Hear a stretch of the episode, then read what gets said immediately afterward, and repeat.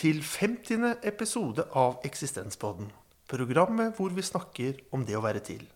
Mitt navn er Erling Bærum, og i dag har jeg fått besøk av Tom Egil Verven. Du er blitt anbefalt av sosiolog Fredrik Engelstad. Takk for at du ville komme. Takk for at jeg får komme. Hvordan vil du kort beskrive deg selv? Ja, jeg er eh, 61 år. Eh, Jeg har jobbet hele livet med litteratur, stort sett. Jeg begynte som teologistudent, men brøt av det og tok eh, litteraturvitenskap hovedfag. Og siden har jeg jobbet i NRK og i Klassekampen eh, med mange forskjellige arbeidsoppgaver, men de siste årene kun som litteraturkritiker. Hva tenker du kan være viktig å nevne om deg og ditt liv? Den første boka jeg ga ut, den heter 'Å lese etter familien'. Og der skrev jeg om det å være skilsmissebarn, med utgangspunkt i egne erfaringer ved at mine foreldre gikk fra hverandre når jeg var bare fire år. Da hadde jeg en søster og fikk i tillegg en bror, sånn at vi var en familie med alenemor en del år før eh, hun fikk, gikk inn i et nytt forhold og fikk mange flere barn. Så jeg har til sammen tolv søsken. Tolv søsken? Ja, og jeg er aller eldst. Sånn at det er en grunnleggende erfaring i mitt liv. At eh, familien går fra hverandre på en nokså dramatisk måte. Og med mye konflikt gjennom hele livet. Egentlig helt fram til hun, altså moren min, døde for tre år siden. Og nå kommer jeg med, altså med en bok eh, i vår som heter 'Å lese etter troen'. Som sånn sett eh, har litt lignende struktur. Ved at jeg ikke undersøker familien, men troen som noe som til en viss grad er tilbakelagt, men heller ikke lagt helt bak i mitt liv. Du er også blitt bedt om å velge ut en grunnleggende dimensjon med det å være til som menneske. Og hva har du valgt som tema for dagens samtale? Jeg tror det er rett og slett det samme som bokas tittel, for det ligger så nær meg nå for tida, og det har jeg jobbet med i flere år. Og det er nemlig å lese etter troen. Og det har jo en dobbel betydning. Eh, Etter kan være etter i tid, altså troen som noe tilbakelagt. Som om f.eks. den lutherske kristendommen er i ferd med, ferd med å falme eller feide ut eller forsvinne i det norske samfunnet, som jo en del ting tyder på. Jeg er opptatt av et stort paradoks, nemlig at det finnes pluss-minus én million nordmenn som er medlem av Den norske kirke, men som sier de ikke tror på Gud. Og hvordan i all verden kan det ha seg? Og det er jo en form for eksistensiell tilstand som ikke bare gjelder meg personlig, for det, dette grubler jeg på. Men det gjelder jo faktisk veldig mange i det norske samfunnet da, som finner at de vil tilhøre denne kirken, som nå ikke lenger er en statskirke, men en folkekirke. Um, samtidig som de sier de ikke tror på Gud. I, veldig, I, den veldig rare problemstillingen der så finner jeg jo faktisk også veldig mye litteratur som handler om det. Og det er derfor jeg kaller det å lese etter troen. Er det flere av de som også da oppgir noe, at de tror på noe, men at de ikke klarer å definere eller bestemme hva det er? Eller er det ateister, eller Nei, dette er vel litt Ateister er det vel ingen av de jeg har lest som kaller seg. Men jeg leser jo noen kvinnelige forfattere som jeg ikke er helt sikker på hva tror. Eh, altså Ingrid Storholmen har skrevet en veldig fin bok om en misjonær. Eh, boka heter 'Støvbærer' og kom i 2020. Eh, jeg skriver om eh, Olaug Nilsen, en kjent forfatter som har skrevet flere bøker og teaterstykker. Og den siste boka hennes heter 'Yt etter emne, få etter behov'. Og hun er jo kjent for å skrive om sin autistiske sønn og problemstillingene rundt det i sine siste bøker. Eh, men i denne boka så er det en familie rundt et slikt funksjonshemmet barn som på mange måter er preget av pietismen. Som er en viktig retning innenfor den lutherske norske kirken, og for så vidt i hele Nord-Europa.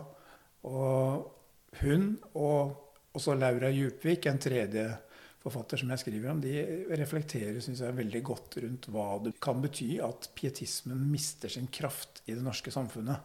Hvilke refleksjoner dreier det seg om? Altså, pietismen er jo sånn overfladisk sett kjent som mørkemannskristendom. Altså den konservative, lavkirkelige eh, legmannsbevegelsen i Norge. Eh, altså misjonsorganisasjonene, de som drev med misjon, ytremisjon, sånn som misjonærene jeg nevnte, som Ingrid Storholmen skriver om, som var misjonær i India, i Santalmisjonen. Men så har du da indremisjonsbevegelsene, altså det som het eh, Indremisjonsselskapet, som nå har forandret navn og blitt til Nordmisjon. Disse organisasjonene hadde fram til 1980-tallet, altså da du og jeg ble voksne, vil jeg tro, hadde de ganske stor eh, innflytelse i det norske samfunnet. De hadde noe som het Geilo-møte, som ble holdt hver eh, ja, det var vel på seinvinteren. Og der kom VG og Dagbladet og til og med NRK og stakk mikrofoner opp i ansiktet på disse eh, lederne for de kristelige organisasjonene og ville høre hva de mente om dette og int. Og det som vi tenker på med pietismen, altså det der at du ikke skal, skal ikke vaske klær og henge dem ut på søndag, Eh, da skal du være i ro og i stillhet for Gud. Eh, du skal ikke, helst ikke gå på dans, fordi der er det alkoholservering, og det tilhører på en måte de tingene man skal holde seg vekk fra. Kino, film og teater var en periode også eh, noe som man holdt en avstand til. Altså, Pietismen holdt seg med en del sånne leveregler. Da, at man ikke skulle skikke seg lik med denne verden, som det het. Og, og, det hadde jo nok med altså, alkoholismens eh, skadelige virkninger på 1700-1800-tallet, når disse bevegelsene oppsto. Man så at det var skadelig for mennesker, og så absolutterte man det på en litt absurd måte. da. Så pietismen hadde en slags sånn moralsk betydning i det ytre. Men det var også noe indre ved at den la veldig vekt på en personlig omvendelse. Hvis vi tenker på vanlig norsk eh, menighetsliv i kirka, så er det mindre preget av uh, at du på en måte må bekjenne eh, sånn og sånn, f.eks. Eh, hele trosbekjennelsen, da, og, og, verbalt tilkjennegi troen din. Eh, I Den norske kirke så holder det at du er døpt, og at du på en måte ja, Så mye mer enn det behøver du egentlig ikke å gjøre i det hele tatt. Kanskje det, noe av det nærmeste vi kommer, er vel nattverden, eh, hvor du symbolsk og synlig på en måte må gjøre en handling for å vise egen bekjennelse. Ja, og i enevoldstida, fra slutten av 1600-tallet og framover, en periode, så hadde vi jo kongen på toppen av kirka.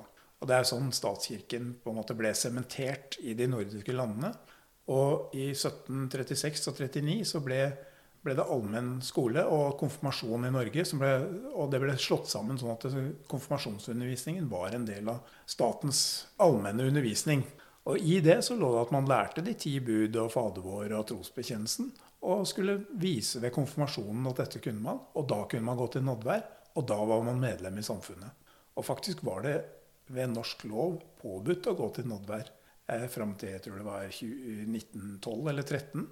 Men det ble ikke praktisert de siste ti årene. Etter det så har vi jo fått en liberalisering på mange nivåer i det norske samfunnet. Og fra 80-tallet, for å gå tilbake til det, så slår den liberaliseringen mye kraftigere inn. F.eks. ved at vi får eh, en ny abortlov, som Kirken jo motsatte seg. Og nå for veldig få år siden så har vi fått vigselsliturgier til og med i kirken for eh, homofile og altså likekjønnet ekteskap. da. Og det er ganske nytt. Og det er en lang prosess som har forandret det norske samfunnet uten at vi egentlig kanskje har diskutert hvordan det har skjedd. Og det henger sammen med disse endringene i, i hva folk faktisk tror på. Hva tror du liksom driver denne la oss si, svekkelsen av pietismen? Du nevner liberaliseringen og sekulariseringen. og Hvordan endrer innholdet i vårt gudsbegrep seg? Jeg syns det er interessant at en, en, kristelig avis som Vårt Land de opprettet en spalte som egentlig er en slags sånn lørdagsportrett, som mange aviser har. Men de kaller den for Min tro. Og Det tror jeg de starta med på begynnelsen av 90-tallet. Og da er, da er, på en måte akkurat denne liberaliseringsprosessen kommet så langt at man ikke lenger føler at det er like naturlig å snakke om vår tro. Altså noe felles, noe kollektivt. Men Det blir noe individuelt. Og det kan du se også ved i eh, begravelser og bisettelser. At folk bruker ikke lenger de gamle liturgiene. De vil ha det på veldig mange forskjellige individualiserte måter. Istedenfor at organisten spiller en salme, og at alle synger den salmen, f.eks. 'O bli hos meg', som ofte ble brukt i begravelser, så spiller man i dag popsanger eh, fra CD-spiller tidligere. da, Nå er det fra Spotify eller tilsvarende, kanskje. Man individualiserer også begravelsesritualet for å uttrykke den enkeltes individualitet. Og det er noe ganske nytt som jeg syns er ganske interessant å, å, reflektere over. Hvordan og hvorfor er vi kommet dit? Og det har jeg ikke noe veldig klare svar på. Men en del av den litteraturen jeg leser, nærmer seg jo dette fra forskjellige kanter. Kan det også ses på som et, eh, en måte å minimere dødens faktisitet på? Ja, jeg skriver om det i etterordet til boka. For jeg kommer liksom dit i en ganske lang bevegelse. Da. Og det har fascinert meg, det der at det er blitt veldig utbredt i løpet av de siste ti årene. Det at man også i kirkerommet faktisk henvender seg til den døde. Maud Angelica datteren til Ari Behn, gjorde det i den offentlig overførte begravelsen i Oslo domkirke, f.eks. Men du ser det også i sosiale medier. Og jeg tror sosiale medier spiller en vesentlig faktor her. Ved at eh, f.eks. folk som har opprettet en profil på Facebook, de er jo der uh, i anførselstegn til stede etter at de er døde. Og da faller det veldig naturlig på en Facebook-side å henvende seg til den døde i du-form helt enig med at det kan ha noe å gjøre Eller i hvert fall konsekvensen av det kan være at man faktisk ikke erkjenner at vedkommende er død. Jeg har sett det i, i sportslivet, så er det jo idrettsverden, så er det jo mer og mer alminnelig nå at man tilegner skåringer på fotballbanen eller seieren på 50 km i Holmenkollen til en nylig avdød far ved å strekke armene i været og peke opp i himmelen som om man kan kommunisere der og da over målstreken, så å si, at far lever, og han hører meg nå. Men tror folk faktisk på det? Det er jo litt i tvil om. En helt fersk roman som kom nå etter at jeg fullførte min bok, av Ulla Svalheim, heter 'Til troende'. Ja, den, eh, den, kom nå i vår, altså.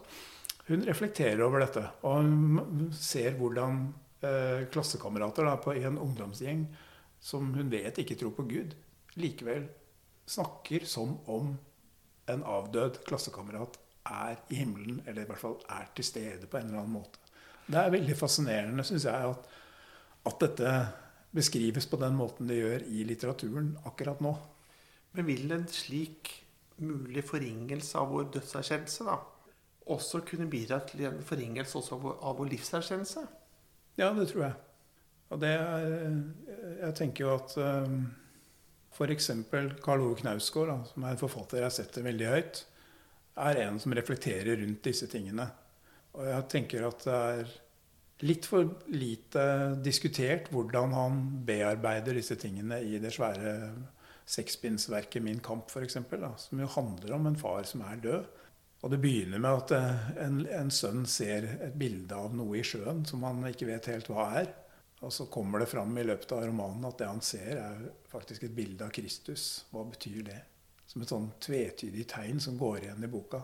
Han sier langt ute i bind to, tror jeg, at uh, han fikk ikke Altså, han sørger jo over faren sin. Men Karl Ove, da, som man må kalle romanfiguren i dette verket, som jo er en roman, selv om det også handler om noe virkelig, han sier at han, han fikk på en måte ikke livet til faren til å henge ordentlig sammen før han snakket med en prest som ga, som, som ga han et slags objektivt eller blikk, i hvert fall utenfra, på det som hadde skjedd. Sånn at farens liv på en måte ble hengende mer sammen, sier Karl Ove Knausgård eh, i boka. Og Det syns jeg er en interessant erkjennelse. Jeg tror ikke at alle som snakker med en prest i forbindelse med en begravelse, nødvendigvis opplever det slik. Men han forteller om at han opplevde det slik. Og at det har forandret noe av hans innstilling. sånn at han, I den samme passasjen i bind to av Min kamp så døper han jo den første datteren sin, Vanja. Eh, og uten at han helt skjønner hvorfor, så følger han etter fetteren sin opp til nadvær. Som du nevnte i stad, som er et symbol på fellesskapet. Men det har jo Karl Ove som 16-åring meldt seg ut av. Han har meldt seg ut av kirken. Han kaller seg ateist. Han skjønner ikke hvorfor i all verden går jeg til nadvær.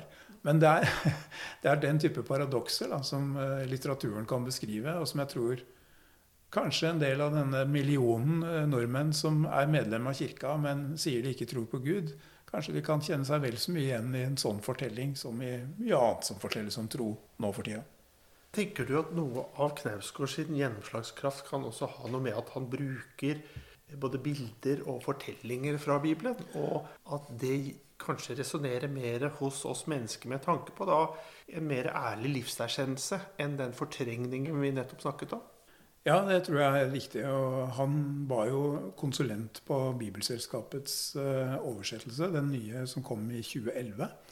Der innkalte, eller inviterte Bibelselskapet en rekke norske forfattere. Bl.a. Pål Helge Haugen, som jeg skriver om, og Jon Fosse, eh, som jo også var Karl Ove Knausgårds lærer på Skrivekunstakademiet i sin tid. Og Karl Ove Knausgård alle de tre var, var, og en god del andre norske forfattere var konsulenter på den bibeloversettelsen. Og hos Knausgård så har det ført til at han har en åpenbart mye bredere og bedre forståelse av særlig Det gamle testamentet, som jo er forholdsvis lite oppe i hva skal vi si, norsk offentlighet.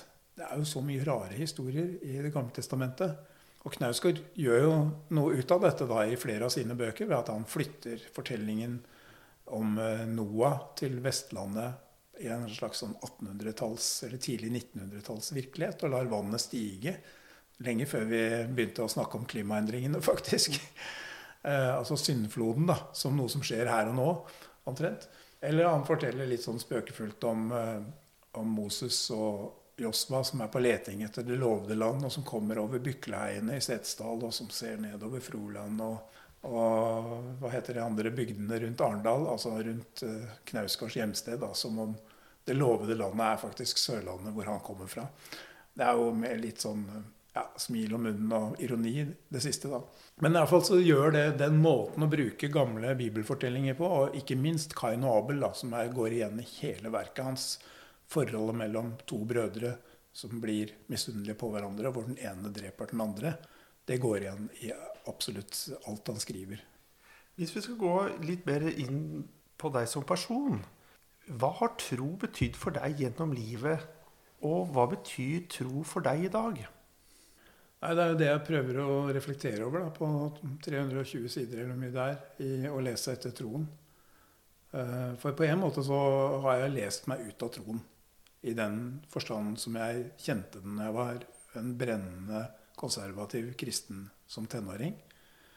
Altså det å studere teologi, studere språkene og i tillegg filosofi og litteratur gjorde at Gud ble noe veldig fjernt for meg.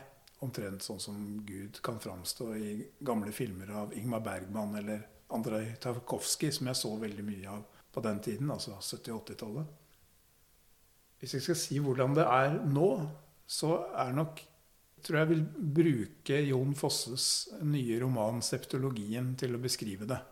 Og det er en grunn til at jeg bruker så mye plass på han også i boka. Septologien er et verk på 1200 sider i tre bind og i sju deler. Fordelt på tre bind. Om en maler som heter Asle, som er vokst opp som meg og som Jon Fosse i denne lavkirkelige kristendommen som jeg beskrev, eh, men som har vært igjennom en periode med ateisme og som i moden alder konverterer til katolisismen. Og hvor boka da består mye av bønnene, altså Fader vår f.eks., Ave Maria, på latin til og med. Og den består i å beskrive hvordan han går til nadvær. Altså deltar i det kirkelige fellesskapet. Jeg er jo ikke helt der, jeg er ikke blitt katolikk.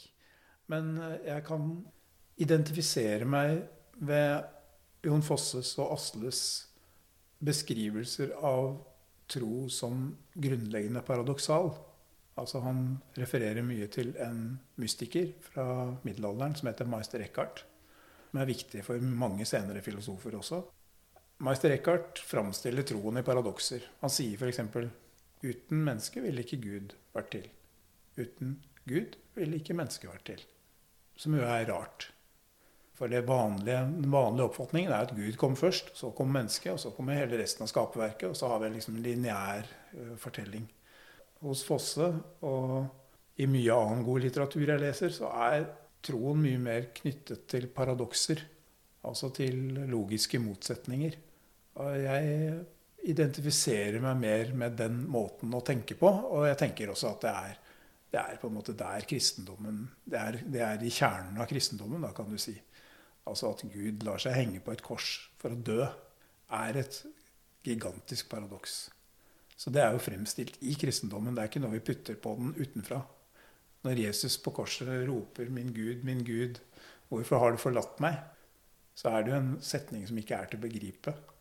Og så mye nærmere enn det kommer ikke jeg heller. Eh, men jeg tenker som Fosse og som en annen eh, norsk forfatter som jeg setter høyt, Gunnar Wærnes, at kunnskapen som skal til for å beskrive hva tro går ut på, den kommer ikke bare fra Bibelen, fra en eller annen åpenbaring som liksom er kommet deisende ned ovenfra. Men den kommer gjennom mennesker til alle tider, og gjennom vår fantasi, gjennom kunst, gjennom litteratur. Og den er noe som hele tiden er i ferd med å bli til gjennom menneskets skapende virksomhet. Hvilke måter å tro på eller ikke tro på finner du interessante? Ja, Da tror jeg jeg må nevne den forfatteren jeg bruker, har brukt mest tid på å forstå. Eh, det er Dag Solstad. Og Dag Solstad er kjent som en eh, ML-er fra 70-tallet som skrev eh, Arild Asnes 1970 om en mann som nærmest blir omvendt til en marxistisk tro, og som ender med å gå med den avisa som jeg jobber i, nemlig Klassekampen, og, og prøve å selge den på dørene i Oslo. Men han har jo beveget seg mye i løpet av et nå 60-årig forfatterliv snart. Fra begynnelsen av 1990-tallet eh, så skriver Dag Solstad det jeg vil si er dype eksistensielle romaner med den type paradokser som jeg nå har beskrevet. Altså Den første av dem handler om kemneren på Kongsberg, Bjørn Hansen, som drar til Vilnius og utfører et fiktivt inngrep for å bli lammet. Og liksom sitte i rullestol som en protest mot tilværelsen. Fordi han finner tilværelsen ja, ulevelig, meningsløs. Og det er hans protest. Og Solstad fortsetter å undersøke lignende ting gjennom resten av forfatterskapet. Altså de kommende 32 årene er det blitt nå, da. Så han skriver jo om Bjørn Hansen helt fram til den som, som heter tredje og siste roman. Tredje og siste bok om Bjørn Hansen, heter den vel. Da ble jeg plutselig i tvil om selve tittelen. Eh, men den kom i hvert fall i 2019. Den boken som jeg setter høyest, er den boka som har eh, Dag Solstads egen fødselsdato som tittel, nemlig 160741.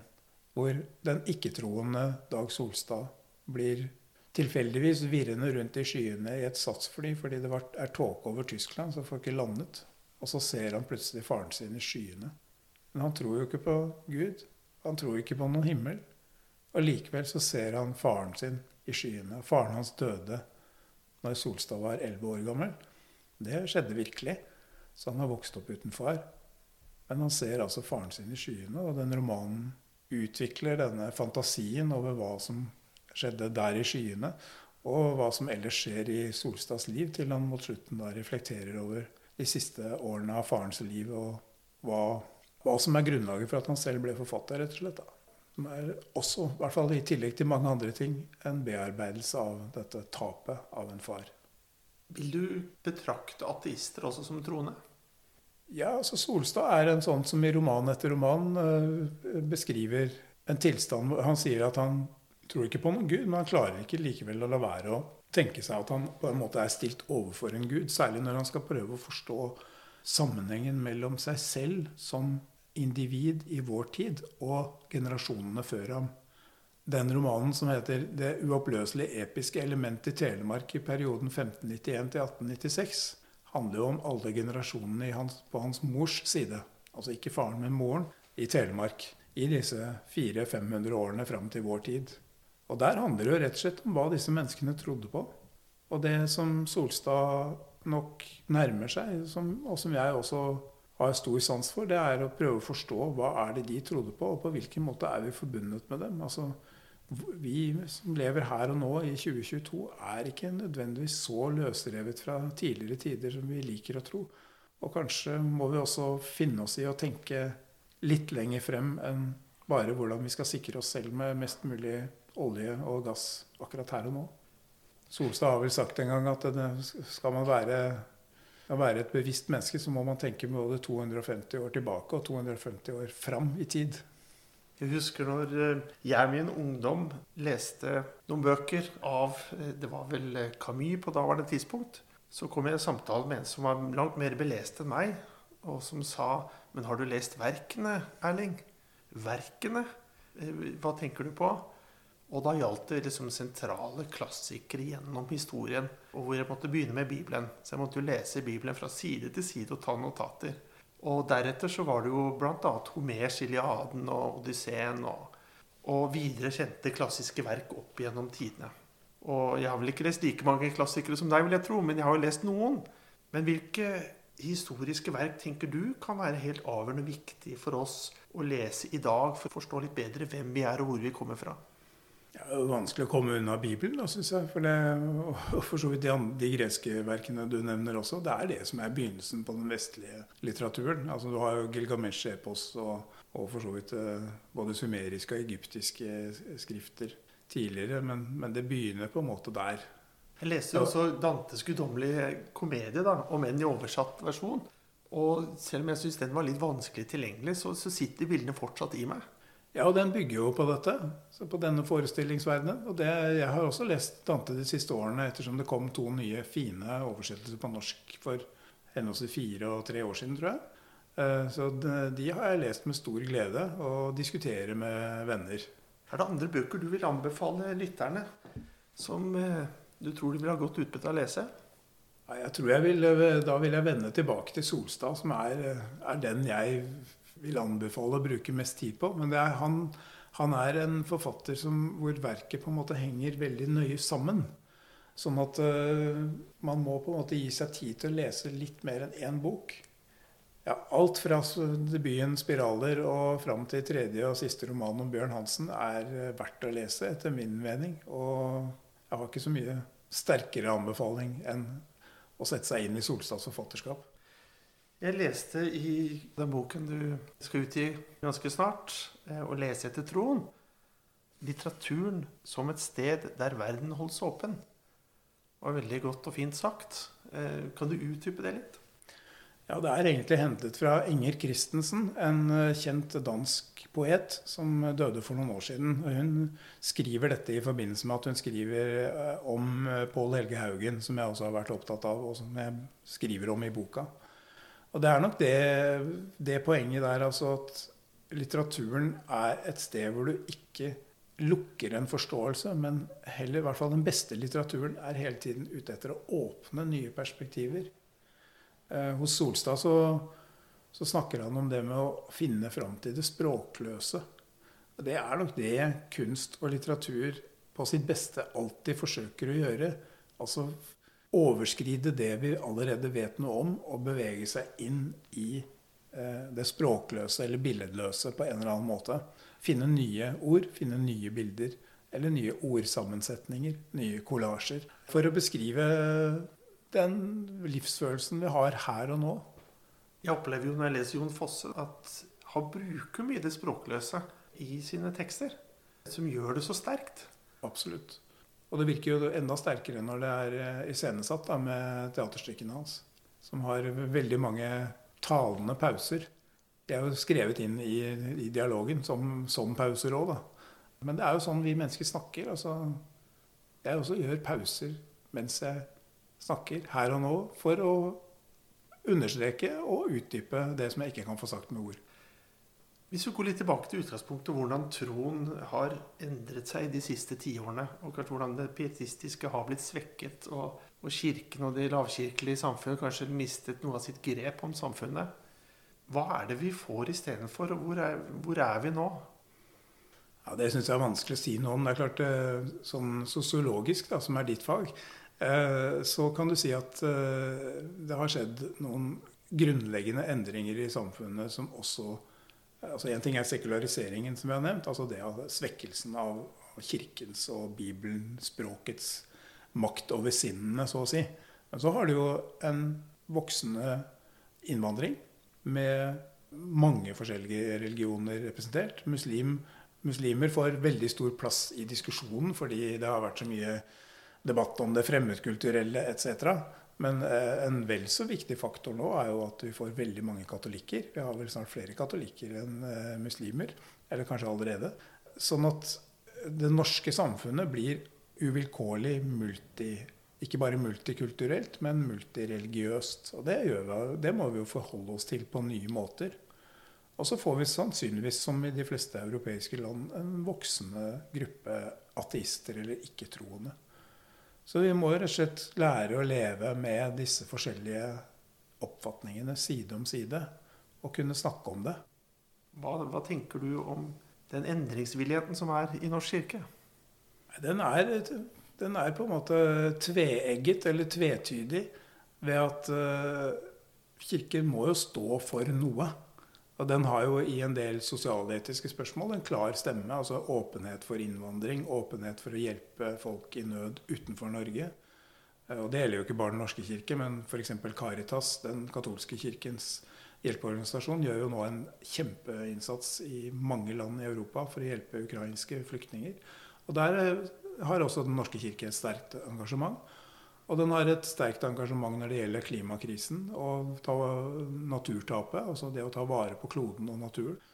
Men eh, kanskje har den mindre grep om ja, det som jeg vil kalle hjertene. Altså det som pietismen hadde før. Altså, du følte på en måte innvendig hva som var rett og galt. Det tror jeg er i ferd med å forsvinne. Og det er jo på mange måter bra, fordi det hadde en veldig begrensende innflytelse over menneskers eh, liv. Altså det begrenset menneskers frihet. Vi setter frihet høyt i vårt samfunn, men friheten kommer med en pris. Og det er kanskje det å finne balansen mellom trygghet og frihet som Kirka også bør være med på å finne fram til. Og hvordan det skal løses i et framtidig samfunn, det har jeg sannelig ikke noe godt svar på. Jeg tror bare ikke at uh, løsningen uh, utelukkende heter Nato, for å si det sånn. Når troens innhold mister sin betydning, og noen også går over til å bli ikke-troende, hva tenker du vi erstatter denne troen med? Eh, du nevner ordet frihet som, som eh, en motsats til, eh, til, trygghet, og at vi må finne en god balanse. Men jeg opplever jo også medmennesker som overvelmes av for mye frihet, og syns at denne friheten er veldig vanskelig å håndtere. og vet ikke helt hva de skal gjøre med den. Så har vi på en måte liberalisert oss vekk fra veldig mye av hvem vi er. Ja, det tror jeg. Og den, det, det, det samfunnet hvor enhver er sin egen lykkesmed, og hvor enhver også er ansvarlige for ikke bare uh, hvem man blir, sånn gjennom yrkesvalg eller valg av uh, partner eller få barn eller ikke, men man er jo uh, i vårt samfunn ansvarlig ned på et helt sånn komisk nivå for valg av helse, i ytterste konsekvens snart. altså ved at du, du er ansvarlig for å for ta gentester for å finne ut hvilke sykdommer du kan få. Uh, og du er ansvarlig for å trene holde deg sunn og frisk. Altså, uh, Ole Jakob Madsen, som vel har vært gjest i poden her, har jo skrevet uh, Eksistenspodden. Han har jo skrevet flere gode bøker om dette. Hvordan det samfunnet som vi er i ferd med å få, skaper et enormt press på individet for selv å være ansvarlig for eh, så å si alle sider ved tilværelsen. Og det er jo veldig annerledes enn det samfunnet vi en gang hadde, hvor fellesskapet tok større ansvar. Og sosialdemokratiet var jo en, en slags sekularisert versjon av eh, det kirkelige fellesskapet en periode. Men det som har kommet etter sosialdemokratiet, altså fra 1980-tallet og fremover, med liberaliseringen og privatiseringen, det legger et press på enkeltindividet som åpenbart ikke er sunt. Men jeg sitter jo ikke her med noe fasitsvar. Det går ikke an å gå tilbake til en toppstyrt kirke som tvinger folk til å døpe seg og gå til nådvær og, og lære de ti bud og Fader vår, og så er alt løst. Det er ikke sånn heller. Så kanskje litt, at vi bør bevege oss litt mer tilbake til en større kollektiv forståelse av hvem vi er, og historisk forståelse av hvem vi er, da. Ja, og der, For meg så er det jo sånn at den litteraturen jeg leser, i stor grad bringer meg tilbake til det. Og jeg ser mange forfattere, også flere enn de jeg har skrevet om i, i boka 'Å lese etter troen', som er opptatt av å undersøke altså den type røtter eh, som ikke nødvendigvis har med kristendommen i tradisjonell forstand å gjøre, men mer undersøke hva kan bibeltekstene være, og de bibelske forestillingene være for oss i dag. Eh, denne uka så ledet jeg en samtale på Drammensbiblioteket mellom Leif Ekle, som har skrevet flott bok om moren sin, 'Olgas bok', og Rune Kristiansen, som har skrevet en diktsamling om sin mor, Eh, Den heter 'Jeg går i sorg'. Og Rune Kristiansen sa der at han, han har blitt mer og mer, selv om han da også i likhet med mange av de vi nå har snakket om, forlot kristendommen og troen i ung alder, så er han blitt mer og mer interessert i å undersøke ja, men hva er dette nå. Og det undersøker han i roman etter roman, og nå altså i en diktsamling. Hva har dette gjort med deg og, og din søken? Det at du nå beveger deg mot mer de røttene du har i deg, og den historiske sammenhengen du tilhører. Hvordan har det påvirket deg som menneske? Det har vel i hvert fall gjort meg til en leser. eh, Og en som finner absolutt mest glede i å lese, og, og til en viss grad skrive og snakke om det, da, sånn som vi gjør nå. Og det å lese for meg er blitt litt som å puste. Og det å lese litteratur som reflekterer over disse tingene ut fra menneskelige erfaringer her og nå, altså i det komplekse, høyteknologiske og frigjorte og liberale samfunnet som vi lever i, og gå tilbake til bibeltekster og kunsten og litteraturen i den tradisjonen, og se hva betyr det for meg nå, det er noe som gir meg liv og lyst, rett og slett. Da nærmer vi oss slutten på dagens samtale. Har du noen visdomsord du gjerne vil dele på slutt? Er det noen visdomsord som betydde noe for deg gjennom livet, som du gjerne kan formidle videre? Jeg har nok ikke så mye sånne visdomsord som er veldig oppløftende eller oppbyggelige. Jeg ble veldig tidlig fascinert av en bok i Det gamle testamentet som heter 'Forkynnerens bok'. Av de som leste den i 1930-oversettelsen, kjenner uttrykket 'alt er tomhet, alt er jag etter vind'. Det kommer derfra. Men i den nyere bibeloversettelsen som jeg nevnte, som mange av forfatterne var med på, bl.a. Knausgård, så er det blitt forandret til 'alt er forgjeves', eller 'alt er forgjengelig'.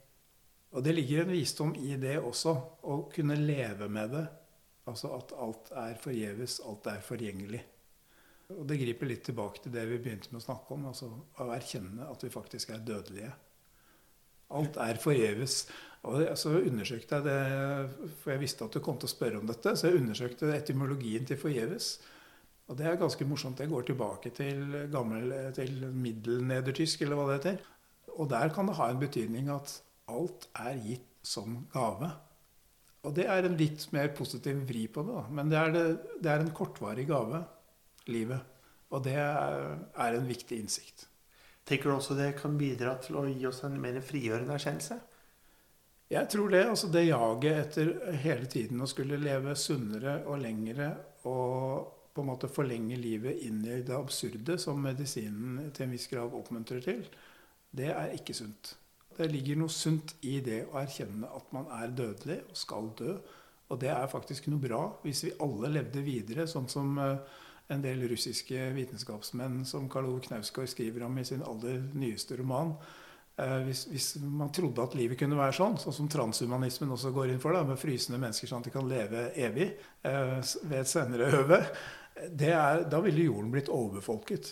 Det at vi dør, gir muligheten for liv til andre, og det er av det gode. Da takker jeg deg for samtalen. Takk også til deg som lytter for å ha fulgt oss denne gang. Vi høres igjen, og inntil da ha det bedre enn bra.